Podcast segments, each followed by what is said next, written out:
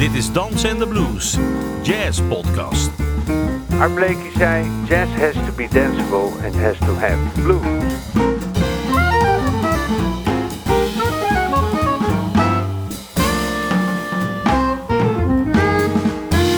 Je luistert naar een aflevering van Dansen en de Blues.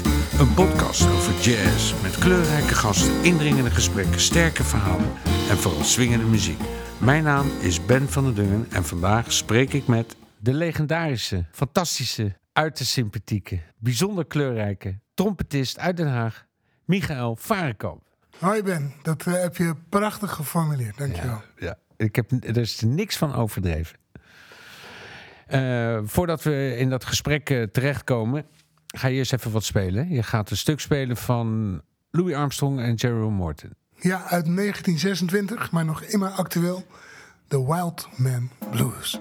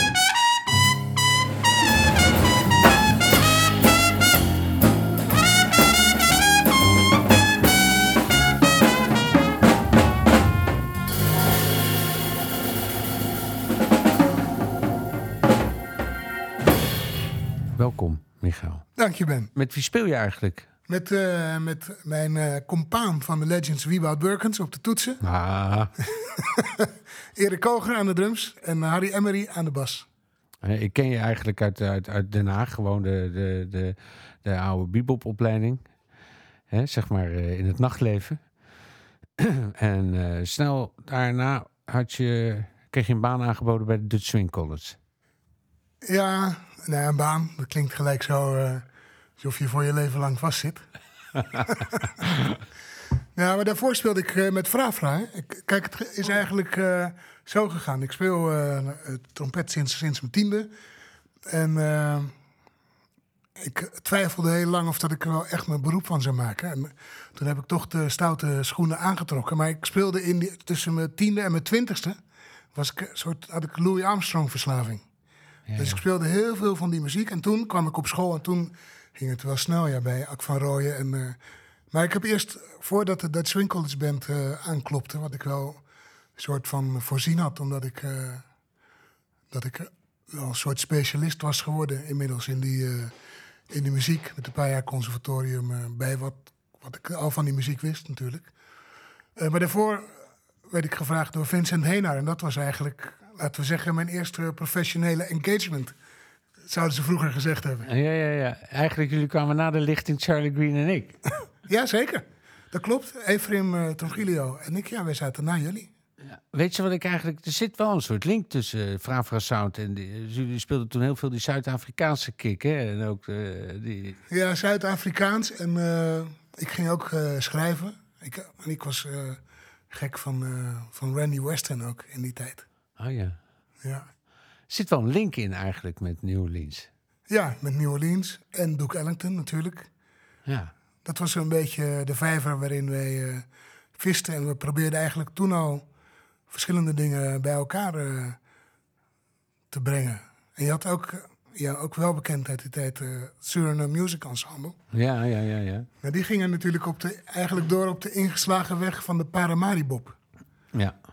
En met Frafra zochten we eigenlijk meer een soort... We hadden natuurlijk wel die, uh, die Caribische roots, hè, de budgie. Hou op, schei uit. maar, uh, precies. Ja. Maar vanuit daar gingen we eigenlijk uh, gingen we echt wel op onderzoek uit. En we werden door Vincent ook enorm gestimuleerd om zelf te schrijven en te zoeken. En wij reisden ook heel veel. Dat was dus eigenlijk, eigenlijk, is het een, een, een zeg maar, uh, qua muziek echt een zwart orkest. En dan kom je opeens in een toch wel wit orkest terecht. Ja, maar ja, die muziek was natuurlijk uh, in ja, de die, kern zwart. Ja, die is natuurlijk echt zwart, dat is duidelijk. Maar ja. ik weet wel, Efraim heeft vertelde het me laatst nog dat een hoop mensen daar uh, van opkeken. Want we, we gingen met de vraag ook naar allerlei plekken en wij speelden ook vaak met, met lokale muzici. Ja, in Soweto. In Soweto bijvoorbeeld. Ja, op grote festivals en in clubs. En, uh, en er ging hele, er ging hele wereld voor me open. En wat eigenlijk extra bijzonder was, is... Uh, ik ben geadopteerd als, uh, als baby en ik ben opgegroeid in, in Bodegraven bij een prachtige witte familie.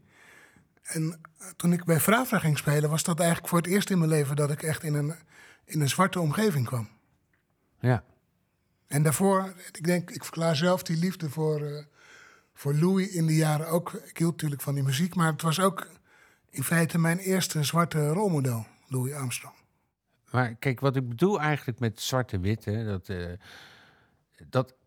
Kijk, Frafra Sound die had natuurlijk echt, echt vanuit hun eigen roots... Uh, doken ze eigenlijk in de muziek. Hè? Dat was toch gewoon... Uh, het is gewoon no doubt about it. Ja. Het is heel authentiek. Ja. Ik bedoel... En de, de, de Swing College is natuurlijk een... Uh, ja, dus je zou het een soort... soort die hebben die muziek natuurlijk min of meer geleend. Ja, wel al sinds 1945. Juist. Zeg ik er dan bij. Ja.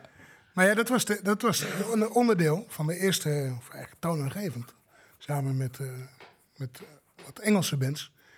De eerste revival van die, uh, van die New Orleans muziek. En alles waaide natuurlijk net ietsje later naar Europa toe. Ja, ik speel natuurlijk een beetje de Devil's Advocate. Ja, ja, dat snap ik het, uh, uh, maar ik geef enige historische context. Nee, dat is mooi.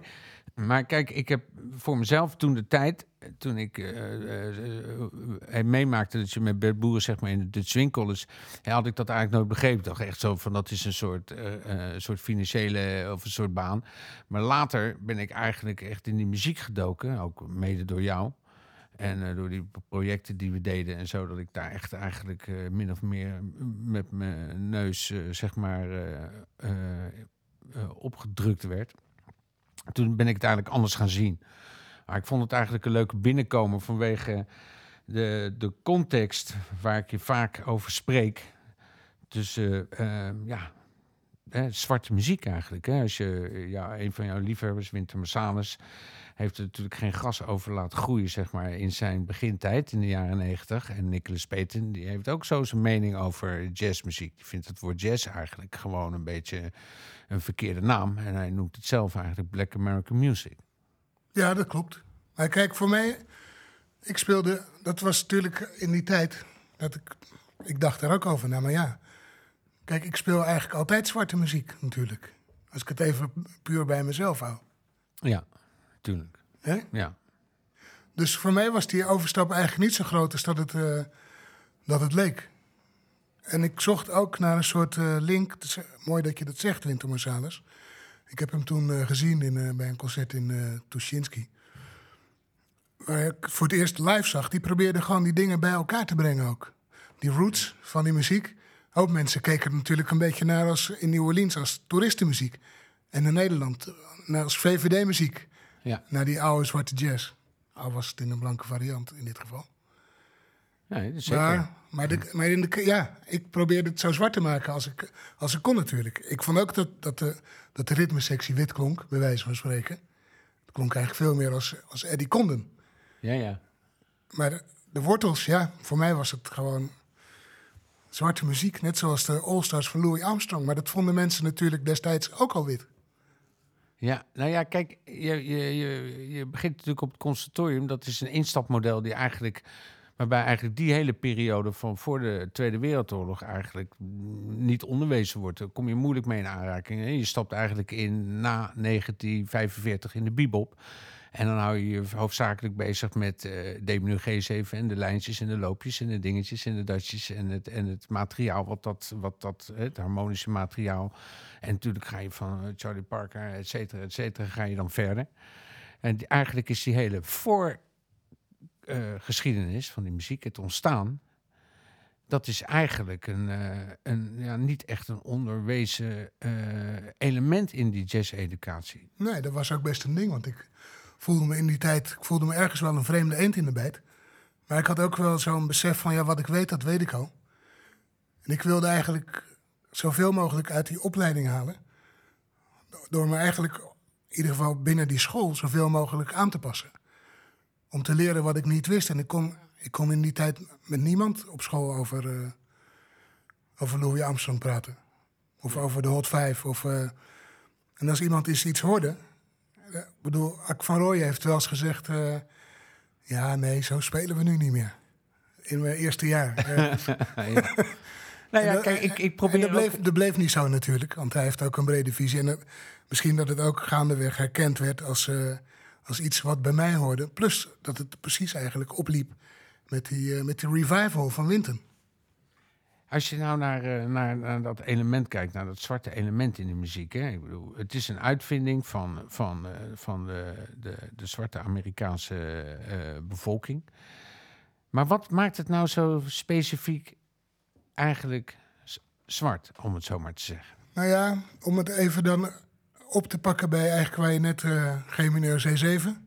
Dat het daar eigenlijk niet in de eerste plaats over gaat. Nee, waar in gaat het dan wel muziek. Het gaat, het gaat over, over sound, over ritme. Ik vind bijvoorbeeld bij. Als je, zwarte Amerikaanse drummers zijn gewoon niet te vergelijken met, met Europese drummers. Je kunt het nog veel breder, breder trekken ook. Ik vind als je het simpel zegt, dan. Die Amerikaanse drummers die, die maken veel meer gebruik van, van de onderkant van het drumstel. Zoals je bij, bij Elvin Jones ziet bijvoorbeeld. Terwijl ik vind veel Europese drummers zitten eigenlijk op een soort Mel Lewis-achtige school. En het gaat heel erg om wat je speelt in die muziek. Als blazer, om de, om de harmonieën, om de, de vondsten, om de, om de clichés. Zou een onderdeel van die zwarte muziek ook, uh, zoals ik, zo, ik heb natuurlijk heel veel Latin gespeeld. Hè. Dat is natuurlijk eigenlijk ook een uh, soort, uh, ja, dat is gewoon ook zwarte muziek. Dus dezelfde, dezelfde afkomst. Zou het niet een kwestie van het, het samenspel zijn? Het samenspel en de, en de, de, de community in feite. Kijk, die kerk die zit natuurlijk ook bij die. Die heeft een hele dikke vinger in de pap bij die, ja. bij die zwarte Amerikaanse muziek. De kerk en de kroeg. Dat ging dan eigenlijk niet samen, maar dat, kwam, dat was toch gewoon hetzelfde nest. En dat, en dat gaf ook die muziek natuurlijk de sfeer. En wat, zijn, wat waren de ontmoetingsplekken in, in dat New Orleans van rond 1900? Een kroeg, een bordeel of een mengelmoesje, de kerk de straat.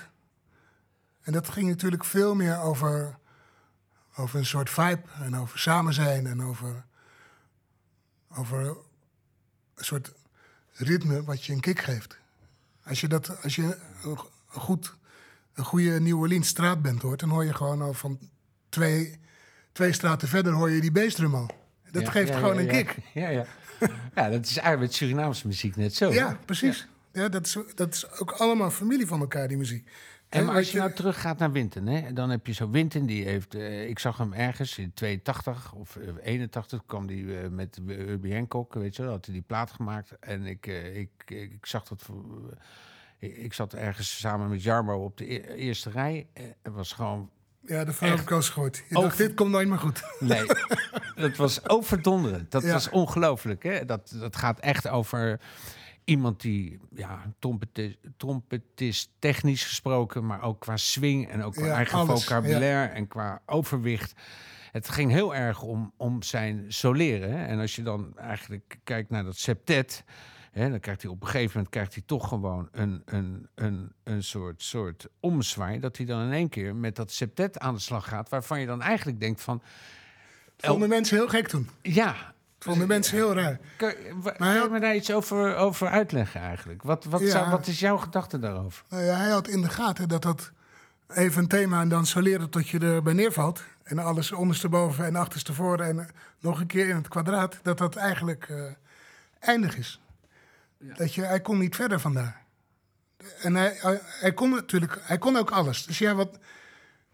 En wat hij dan als een soort nieuwe waarde zag, is dat hij dacht ik moet terugzoeken in die muziek. En na de tijd dat je in die muziek dat het, dat het communicatie was. En dat het niet, niet om, dat, om het soleren alleen gaat. Nee, het is, een natuurlijk een soort, soort ego-ding ook. Dat even een themaatje en dan uh, twintig minuten de ritmesectie uitwonen... en dan aan de kant gaan staan en nog wachten op de bassolo. Is het ook niet, was het ook niet een reactie? Ik vraag het me wel eens af, hè? het is zuiver een, een gedachte hij had toen Black Coats of the Underground, hè, met zijn broer. En uh, Kenny Kirkland, uh, Jeff Tame Watts. Dat was gewoon een ongelofelijke band. En in één keer gingen al die gasten gingen popmuziek spelen bij Sting. Ja, daar was hij goed ziek van. En, maar dat, dat kwam ook. Kijk, zij waren op een missie. Ze waren ergens mee bezig. Hij was bezig met een soort renaissance ja. van die zwarte muziek. In feite. Ja. En net nog heel erg op, laten we zeggen, heel erg ook nog met de intellectuele kant. En nog volgens dat, hij kwam natuurlijk bij Blakey vandaan, dus in, dat, in een kleine band en dat, en dat gesoleerd. Hij was natuurlijk eigenlijk een, uh, een reactionair. En hij speelde met zijn broer. En hij vond dat die gasten eigenlijk zichzelf in de uitverkoop deden. Hij had natuurlijk jarenlang een grote mond gehad over iedereen. Had gewoon gehakt gemaakt van, de, van iedereen die nog leefde en die speelde. Er is ook een verhaal van, eh, dat, hij, dat hij Dizzy tegenkwam na een of ander uh, heftig interview. En dat Dizzy eigenlijk niks zei. Behalve, now you really have to practice. dus hij, hij, was strenger dan streng. En hij, hij was ook gedwongen gewoon om een, uh, om een ander concept te verzinnen. Ook omdat het zo persoonlijk was. Als je gewoon twintig jaar met je broer speelt het is niet zomaar dat je dan even met een andere tenor... dat je gewoon hetzelfde hebt. Ja, dus emotioneel, muzikaal eigenlijk in de steek gelaten... voelde zich verraden ja. misschien. Ja, dat zeker. En daar kwam, ja, daar kwam iets geweldigs uit voort. Want toen, kwam die eigenlijk, toen duurde het even, maar toen kwam hij met die plaat Majesty of the Blues. Ja, ja, ja. We gaan even een stukje luisteren. Lekker. Uptown Ruler.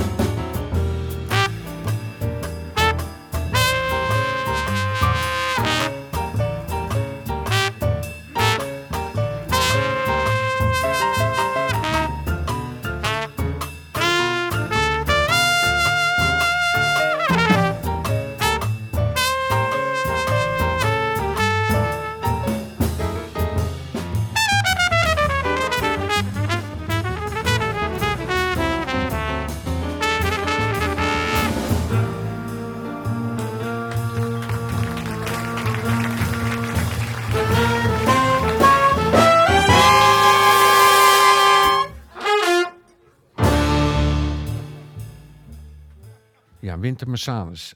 Ehm, hij wordt toch vaak gezien als een traditione- als traditionalist. Hoe zeg Ja. ik dat? Ja, traditionalist. Traditionalist. Ja, die man die, die heeft alles gedaan natuurlijk. Eh, Maar wat ik dus eigenlijk... Wat En ik hij dus- is vernieuwend binnen wat hij... ja, ik heb hem namelijk nog nooit iemand horen imiteren. Het Maar- is een volstrekt eigen vocabulaire. Ben je het daarmee eens? Ja, daar ben ik het zeker mee eens. Maar hij- verzint ook eh, een volstrekt eigen muzikale context. En die mensen die hij om zich heen heeft verzameld door de jaren heen, die hebben gewoon een eigen taal gecreëerd samen. Marcus Roberts, Hurling Riley, die, die drummer die in zicht kwam natuurlijk toen die die weg terug ging zoeken. En die plaat die toen kwam, die Majesty of the Blues, dat was gewoon een vernieuwende plaat. Die was, was nieuw en diep geworteld tegelijk. En wat hij heeft gedaan, eind van de vorige eeuw, hij heeft gewoon die hele jazzgeschiedenis eigenlijk samengebracht. Hij heeft gewoon gezegd: kijk, zo zie je nou dat het bij elkaar hoort. Dat het niet is dat die oude muziek alleen maar met een rieten hoedje gespeeld kan worden. Of dat die nieuwe muziek alleen maar met een zonnebril eh, in een donkere kroeg gespeeld kan worden. Als ik dat nu zo bekijk, hè, we zitten nou eigenlijk in een soort, eh, altijd in een soort tegenstelling. eh, dat is toch wel iets, iets Europees. Eigenlijk dat, je, eh, dat die jazzmuziek die moet altijd gewoon ergens over gaan. En er moet een soort die- diepheid in zitten. Op het moment dat iemand eigenlijk ontzettend swingt. En ontzettend lekker speelt. En eigenlijk ontzettend goed is. En ontzettend gewoon zijn roots kent. Dan is dat eigenlijk meer ent- entertainment dan kunst, om het zo maar te zeggen. Ja, maar dat is een soort eh, misvatting. Die, Heeft het eh, iets te maken met de blanke intellectuele ijverigheid? Dat we dat eigenlijk niet kunnen uitstaan? Ja, alsof het gaat om, een, om het nadenken. Dat is natuurlijk overdreven belangrijk geworden. Die, als je, het gaat gewoon vooral over harmonie eigenlijk in de Europese jazz. Het gaat niet zozeer over de groove, over, over de blues. Hé, dat is de definitie van Winton van jazz. Het, moet, het, moet, het moet swingen, er moet blues in zitten en het is geïmproviseerd. En dat is, maar dat is eigenlijk ook voor de Black American Music van Nicholas Payton. Ja, maar wat ik nu, als je nu kijkt, gaat het eigenlijk ook niet eens meer over harmonie. Gaat het eigenlijk over klank en over dichterlijkheid. Als je kijkt naar de, naar de, naar de witte muziek. Is, is, en eigenlijk, wat ik het begon misschien al in, eh, misschien heb jij daar een idee over hoe dat, hoe dat werkt, maar het begon eigenlijk al met de free jazz. Hè. Dat komt er eigenlijk, is dat zo, soort toegeëigend door een soort, zo in de 70 jaar, hè, door, door de Amsterdamse scene. En toen werd eigenlijk gedaan of, of zij dat hadden uitgevonden. Ja, en het gekke was, dat eh, eigenlijk vind ik het helemaal geen jazz. Dat zeggen overigens die Amerikanen ook, dat geeft niks. Maar het- echt jazz is het niet. Het is, ja, het is, het is eerder Fellini. Vrije Fellini-interpretatie. En maar hoe Zo. komt het dan dat eigenlijk dat we, de- we zijn het erover eens dat, dat, dat, dat, dat die zwarte Amerikaanse bevolking een geniale manier heeft bedacht om te musiceren. Dat is wel uniek. Dat is eigenlijk totaal vernieuwend. Dat dat toch op een gegeven moment uitgefilterd wordt en als zijnde niet belangrijk wordt gezien. Ja, dat is sowieso natuurlijk... In, in Amerika is dat ook altijd aan de hand geweest. Hoe Bedoel- bedoel je dat? Louis Armstrong die vond zo'n beetje eigenhandig eh, de jazz uit voor de komende honderd jaar. Maar dat had je ook eh, Paul Whiteman. Maar dat, was, dat is heerlijke muziek, maar dat was gewoon eigenlijk een soort De King of Swing. wit, wit salonorkest. Ja, die werd de King of Swing. En dat zou in de jaren 30 weer gebeuren. Had je ook al Duke Ellington en Count Basie en Harry Sweets Edison en Clark Terry. Die waren allemaal al actief. Maar Benny Goodman was toen de King of Swing. En, Ja. dat, en dat geldt eigenlijk ook voor Elvis. Dat is echt een hele tijd doorgegaan. Als ik nu even, een- even, even terug wil grijpen op jouw, eh, jouw grote voorbeeld, Armstrong. Hè, bedoel, we, ken, je kent dat filmpje dat hij met Dizzy staat te spelen. Er zit toch een soort raar, rare, rare strijd Ja, zeker, in. Hè? ja. Ik bedoel, met andere woorden, Dizzy nam hem waarschijnlijk iets kwalijk. En Winton nam de Dizzy weer iets kwalijk. Ja, maar dat ik is bedoel, natuurlijk een soort zit- eh, Shakespeare is het, hè? Je hebt dus altijd sprake van de vadermoord. De klassieke vadermoord. Oh ja, ja, ja. ja. En Winton had altijd ruzie met Miles. Juist. Ja, dat weet ik. Dat staat in het boek. Dat is mooi. Ja, eh. dus dat, dat, dat gaat gewoon door. Maar om nog even eh, terug te komen op dat... Kijk, dat zwarte en witte, dat zit natuurlijk heel diep in, in de roots van de jazz. En je zag aan die kruid, kruistocht van Winton eigenlijk... die had zich natuurlijk sowieso ongelooflijk geprofileerd... als zwarte jongen van middelbare komaf... eh, die geweldig klassiek kon spelen. Zeker. Dat was, was natuurlijk eigenlijk zijn eerste claim to fame. Op zijn zestiende of zo. 16, 17. Ja, En toen werd hij gebeld door Art Blakey. En toen heeft, ze, heeft hij nog aan zijn vader gevraagd... Pa, wat zal ik doen? En toen zei, heeft die vader gezegd, ja, als je nu niet naar eh, New York gaat, dan schop ik je daar naartoe. en je zag, ook bij, kijk, je zag ook bij die band, bij het septet bijvoorbeeld, dat ze altijd met die enorme dikke pakken papier voor hun neus speelden. Maar die gasten waren gewoon 350 dagen per jaar on the road. Ja, dus je speelde dat uit de Ze hoofd. speelden alles uit hun hoofd, Ja. natuurlijk. Dus dat was comedie. Dus, dus dat was gewoon een beetje dat je, om te laten zien dat het intellectuele muziek is. Ook. En dat het niet zo is dat wat vaak gebeurt in die, eh, ook in die kritieken van ja, en ook gewoon laten we zeggen op een soort dagelijks niveau. ah, jullie kunnen dat gewoon. Is, ja, maar jij swingt gewoon. Ja, ja, ja, ja, ja. ja. Daar, daar is eigenlijk niks voor nodig. Of tegen basketballers van eh, ja, maar ja, jullie hebben dat nou eenmaal. ja, je bent zo lang, Ja, je bent zo want, je, hè, want je bent natuurlijk al lui. Maar het is eigenlijk een soort dubbele di eh, Ja, zeker. Ja. Alsof, je, alsof je niks doet en dat kan je gewoon, en dat kan je gewoon doen. Maar terugkomend op jouw held, hè, Louis Armstrong. Die heeft daar toch een bepaalde manier mee gevonden om hè, bij de paus op bezoek te komen. En, eh, maar die had een er scheid aan. Louis die was dat gewoon allemaal eh En voorbij. hoe komt dat? En dat was, was een soort engel eigenlijk. Maar eh, kijk, Louis zei altijd... I'm the product of the American nightmare. Dat was gewoon zijn hele, zijn hele levensinstelling. Die had gewoon gezien hoe slecht het kan zijn. En die had, was natuurlijk gezegend met ongelooflijk optimisme. Maar dat was natuurlijk wel een kind wat opgegroeid was op blote voeten... tussen de hoeren en de boeven en de guns en, en, en de drank en de drugs. Ja. En die had gewoon iets in zich. Ja, vanaf hier kan het gewoon alleen maar beter, want slechter kan het eigenlijk niet. Plus dat hij ook een kind was van de tijd waarin die muziek, dat het nog helemaal niet als intellectueel gezien werd, wat het natuurlijk toen ook al was, maar gewoon als vermaak. En daar kwamen eigenlijk, dat zou ook heel lang zo blijven, tot die, tot die jongens van de bebop, tot Miles en Monk en Dizzy, die vonden dat het maar eens afgelopen moest zijn. En dus, dus die maakten op die manier hun punt. We gaan de muziek zo moeilijk maken dat, dat niemand het eigenlijk meer echt leuk vindt. Met als gevolg dat er heel veel jazzclubs dichtgingen. En, eh, en daar waren, was dan die oudere generatie was daar weer boos over. Die ga- gaven de schuld aan de beboppers van het sluiten van al die clubs. Ook Louis. Ook Louis. Want er, ja, er is een, inderdaad dat filmpje van Dizzy en Louis. Maar er, is ook, er zijn ook nog filmpjes van Dizzy die Louis nadoet. Gewoon eh, tijdens een gig.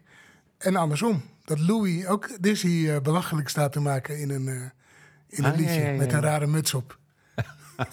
Eh, this funny, funny head they like so much. Dus dat, ja, hij sloeg ook terug.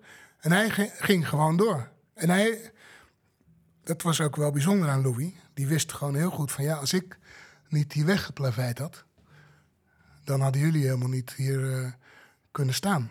En dat is natuurlijk ook zo. Als hij in de jaren twintig met de zonnebril op een grote bek had gehad, had ze hem gewoon aan de grootste boom opgehangen. Zoals Jerry Morton bijvoorbeeld. Die toch misschien net de grote mond heeft gehad. Ja, maar dat was ook weer een heel ander type natuurlijk. Ja, die claimde de jazz te hebben uitgevonden. Ja. Maar wat ik, jij, jij kiest King of the Zulus uit. Waarom zou die... eh, Kun je daar wat meer over vertellen? Ja, omdat het zo een beetje buiten de... Daar hoor je alles al in eigenlijk. Het is, eh, het is niet zo'n ragtime-achtig stuk. En je hoort eigenlijk al een beetje dat de modale jazz eraan komt. Dat zou Miles natuurlijk later claimen. Op Kind of Blue. En modale jazz, dat je, Ja, ja, ja. Dat je even voor de luisteraar... ja, ja. Dat je één akkoord helemaal uitmelkt in plaats van, eh, van echt een schema volgen. En je hoort daar al flarden van in dat, eh, in dat King of the Zulus. En daardoor wordt dat, wordt dat ritme natuurlijk ook belangrijker. Dat was ook slim van Mills. Dat hij, zo- die zocht natuurlijk ook na die bebop... zocht hij een soort weg terug naar, naar die gemeenschap in feite. En die zorgde voor een nieuw soort eh, toegankelijkheid. En ik, maar ik ken een verhaal van, eh, van Sonny Fortune... die... eh, die bevriend was met Miles destijds in New York. En die ging een keer kijken naar, eh, naar Coltrane. En Miles was er ook en ze speelden Impressions. En dat Miles zei, they're fucking up my music. dus er ging, er ging eigenlijk weer, die toegankelijkheid werd ook nog weer verder uitgewerkt. Want het, ja, Ja, ik vraag me af of, of Coltrane daar een, een andere bedoeling mee gehad heeft dan eh, zuiver de spiritualiteit opzoeken. Maar Ja, ik denk maar- niet dat hij zo maatschappelijk eh, eh, zeg maar daarmee bezig was. Nee, maar zo was het wel ingestoken door Mels. Dus dat is, dat is eigenlijk mooi aan die anekdotes. En ik vind ook, ja, als je. Dat is ook mooi omdat wij echt van die mensen nog uit die tijd hebben meegemaakt. Zo. Dat je gewoon van die verhalen hoort uit de eerste hand. En hoe dat. Wat, wat voor ons gewoon heel normaal is, omdat je met al die muziek bent opgegroeid. Maar dat hadden zij natuurlijk niet. Is hij ook King of the Zulus geweest? Dat is een soort Prins Carnaval van New Orleans. Jazeker. Want hij vond het een mooie soort. Hij vond het een soort supergrap. Dat hij wereldberoemd was geworden met die muziek. Die ook veel complexer was en moeilijker dan menigeen dacht. Maar daar liep hij niet mee te koop. En dan werd hij ook nog King of the Zulus. Dat hij alles nog belachelijk kon maken met eh, als een gesminkte eh, blackface. Dat was het ook nog, King of the Zulus. We gaan er even naar luisteren. King of the Zulus.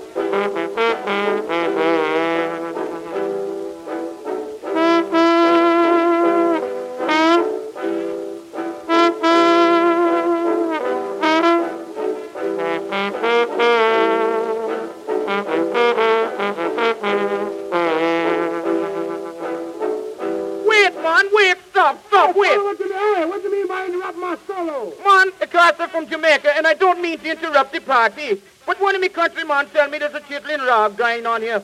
Madam, fix me one order those thing you call chitlin, but I call in a tube, and I play one of me native jazz tunes.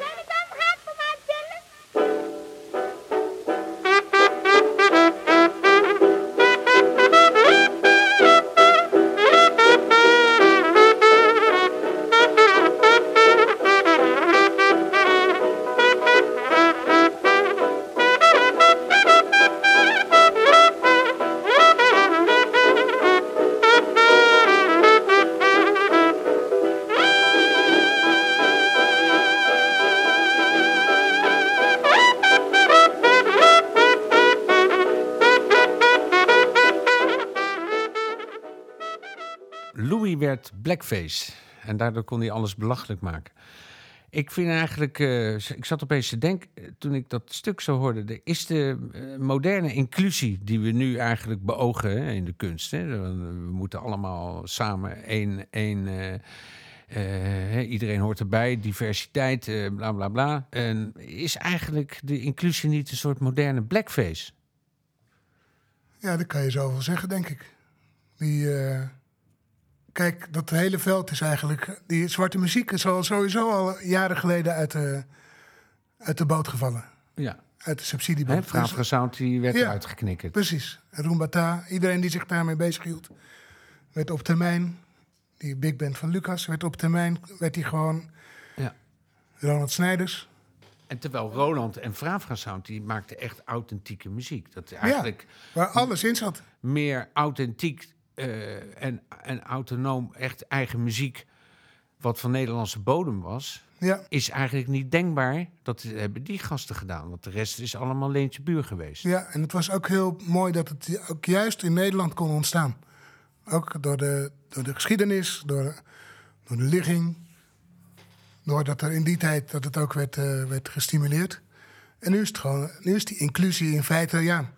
Dat je als witte instelling of als witte kunstenaar moet kijken wat je met, eh, met een ander kleurtje kan doen. Ja, dat is eigenlijk is dat, eh, Voel je niet dat- eh, eigenlijk dubbel gebruikt? is dat exotisch. In feite. Ja, voel jij je niet dubbel gebruikt Ja, eigenlijk? ja, kijk, met de Legends, waar we eigenlijk met veel plezier en over het algemeen behoorlijk succes door het land toeren, krijgen we bij de aanvraag altijd te horen: ja, de spreiding is te gek en de inhoud is matig. En je speelt zwarte muziek. en dan denk ik je, ja, dan denk ik, je weet helemaal niet eh, waar je het over hebt eigenlijk. Maar, eh, maar ondertussen is inclusie natuurlijk eh, op het moment dat je gewoon een gekleurd iemand op de poster zet. Hè, dat je het residentieorkest doet een programma Ja. over Tchaikovsky. En dan staat er letterlijk in, in, in, de, in de brochure met een compleet zwarte kast. En dan zie je één zwarte danser rondlopen. Ja. ja, zo gaat het. En je mag je ding doen. Ja, je ziet het natuurlijk bij zo'n Aquasi ook gebeuren. Je mag, Als rapper is het een voordeel. En als je ook een mening hebt en als je denkt dat je echt iets kan veranderen... en als je, maar als je verdrietig of boos bent, dan moet je gewoon eh, je mond houden. Dus Eh, je voor, soort- voor veel mensen. En ook voor, voor veel mensen niet natuurlijk. Laat ik het wel eh, nuanceren, maar dat hangt precies ook om dat Zwarte Piet eh, debat heen. Als je zegt, ik voel me daar niet goed bij, dan eh, zijn er behoorlijk veel mensen die vinden dat je dat je je bek moet houden en op moet rotten naar je, naar je eigen land. Ja, en eigenlijk als je dan naar de muziek kijkt en naar de kunst, dan wordt echt dus de, de, de, de, de, de inhoudelijke zwarte kunst wordt eigenlijk genegeerd. Ja, het is dat exotische effectje. En als je dan Winter Marsalis heet, die dan echt of, hè, dan ben je een traditionalist. Die kan niet, eh, die, hè, die is niet intellectueel genoeg voor, eh, om echt vooruitstrevend te zijn. Nee, nee, nee, nee. nee. Maar je kan vioolconcerten schrijven tot je, er, tot je in ons weegt. En je kan een hoemel spelen zo goed als niemand het kan. En het blijft gewoon dat. Ook het stond hè, er was in eh, februari in Nederland. Dat staat er ook gewoon in een recensie. Dat die traditioneel is. Dan denk ik, je, weet heel, je hebt gewoon geen idee. Het is ongelooflijk dat mensen dat soort dingen gewoon opschrijven. Dus het is eigenlijk een soort van, van als ik het zelf zou zien. Hè, ik bedoel, ik, eh, ik speel dan die zwarte muziek. En ik bedoel, ik ben eh, daar eigenlijk. eh, ik vind het een ongelofelijke uitvinding hoe dat. Hoe dat tot stand is gekomen, die muziek. En, en al die mensen die dat spelen, die vind ik nog steeds ongelooflijk. Maar ik vind het toch altijd merkwaardig dat, dat, het, dat, dat eigenlijk die muziek zo is toegeëigend. En dat zwarte onderdeel eruit is gelazerd. Ja, maar dat is hoe de wereld draait. Als ik het even En als je dan naar, cynisch, naar, naar- eh, naar- cynisch beschrijf. en als je dan naar Winter kijkt, is hij nu aardig mild geworden. Hè? Want ik bedoel, hij, hij, hij, hij, speelt toch een bemiddelende rol, eigenlijk, kan je wel zeggen. Maar hij is eh, meegegroeid met, met zijn leeftijd. En van Nicholas Payton. Want dat is toch die een. gaat de andere kant op. Die is eh, behoorlijk geradicaliseerd. Ja, maar kijk, het is wel... Op, is, het is, in Amerika is het natuurlijk... Daar vallen gewoon doden de hele Ja. tijd. Dus dat, dat, ja, als je in New York woont, dan denk je ook... Als ik daar had gelopen met mijn kind, hadden ze hem ook eh, kapot geslagen. Dat is natuurlijk onvoorstelbare gedachte. En wat je in Nederland ziet, is dat, dat het vooral laten we zeggen, in, eh, in de doorgroei een rol speelt.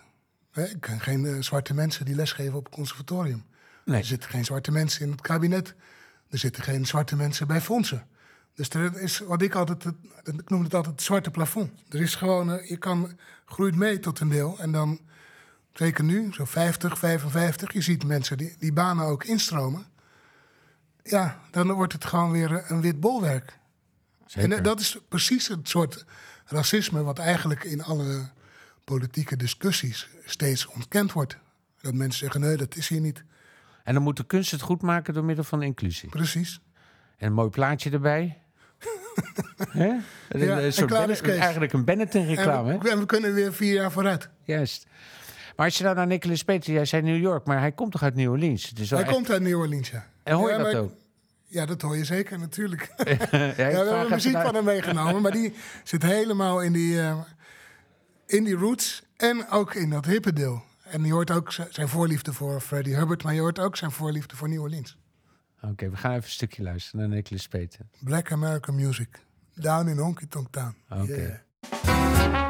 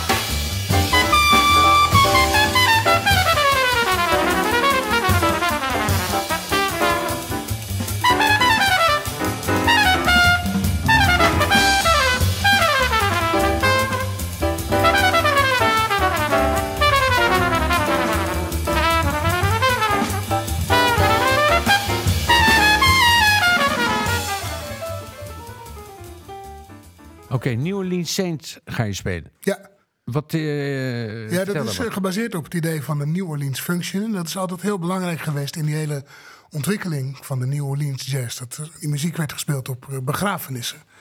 Op de heenweg werd er een, eh, een langzame treurblues gespeeld eigenlijk. Op de terugweg ja, een vrolijke swingende jazzmarch zou je kunnen zeggen met de second line. En dat waren vaak mensen die, eh, dat, en dat gebeurt trouwens nog steeds tot op de dag van vandaag. Die second line die wordt dan gevormd door mensen die toevallig langs de kant van de weg staan. En denken wat leuk een optocht. En dan ben je welkom en dan loop je gewoon mee. En dat is precies waar dat gemeenschapsgevoel in de jazz vandaan komt eigenlijk. En je sluit af met?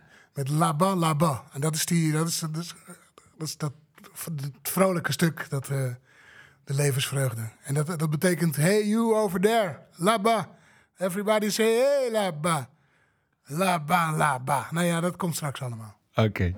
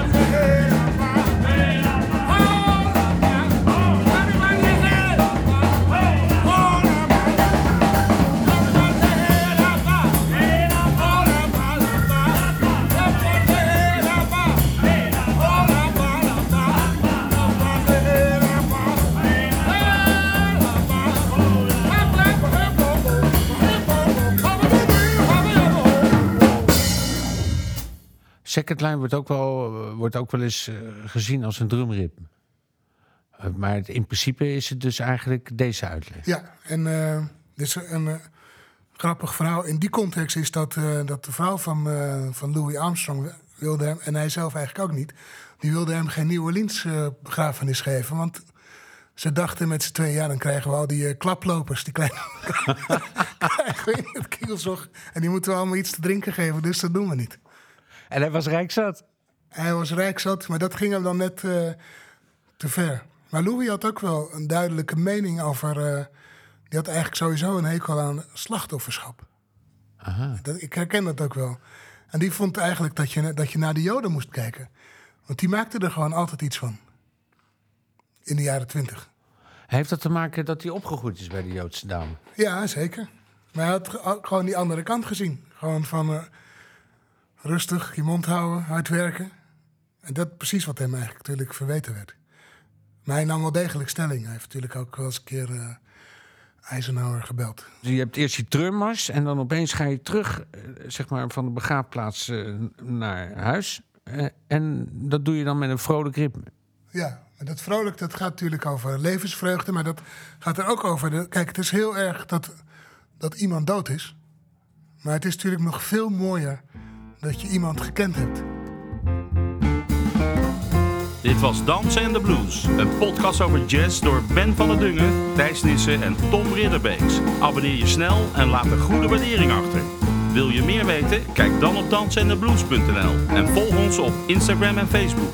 Dankjewel voor het luisteren en tot de volgende keer.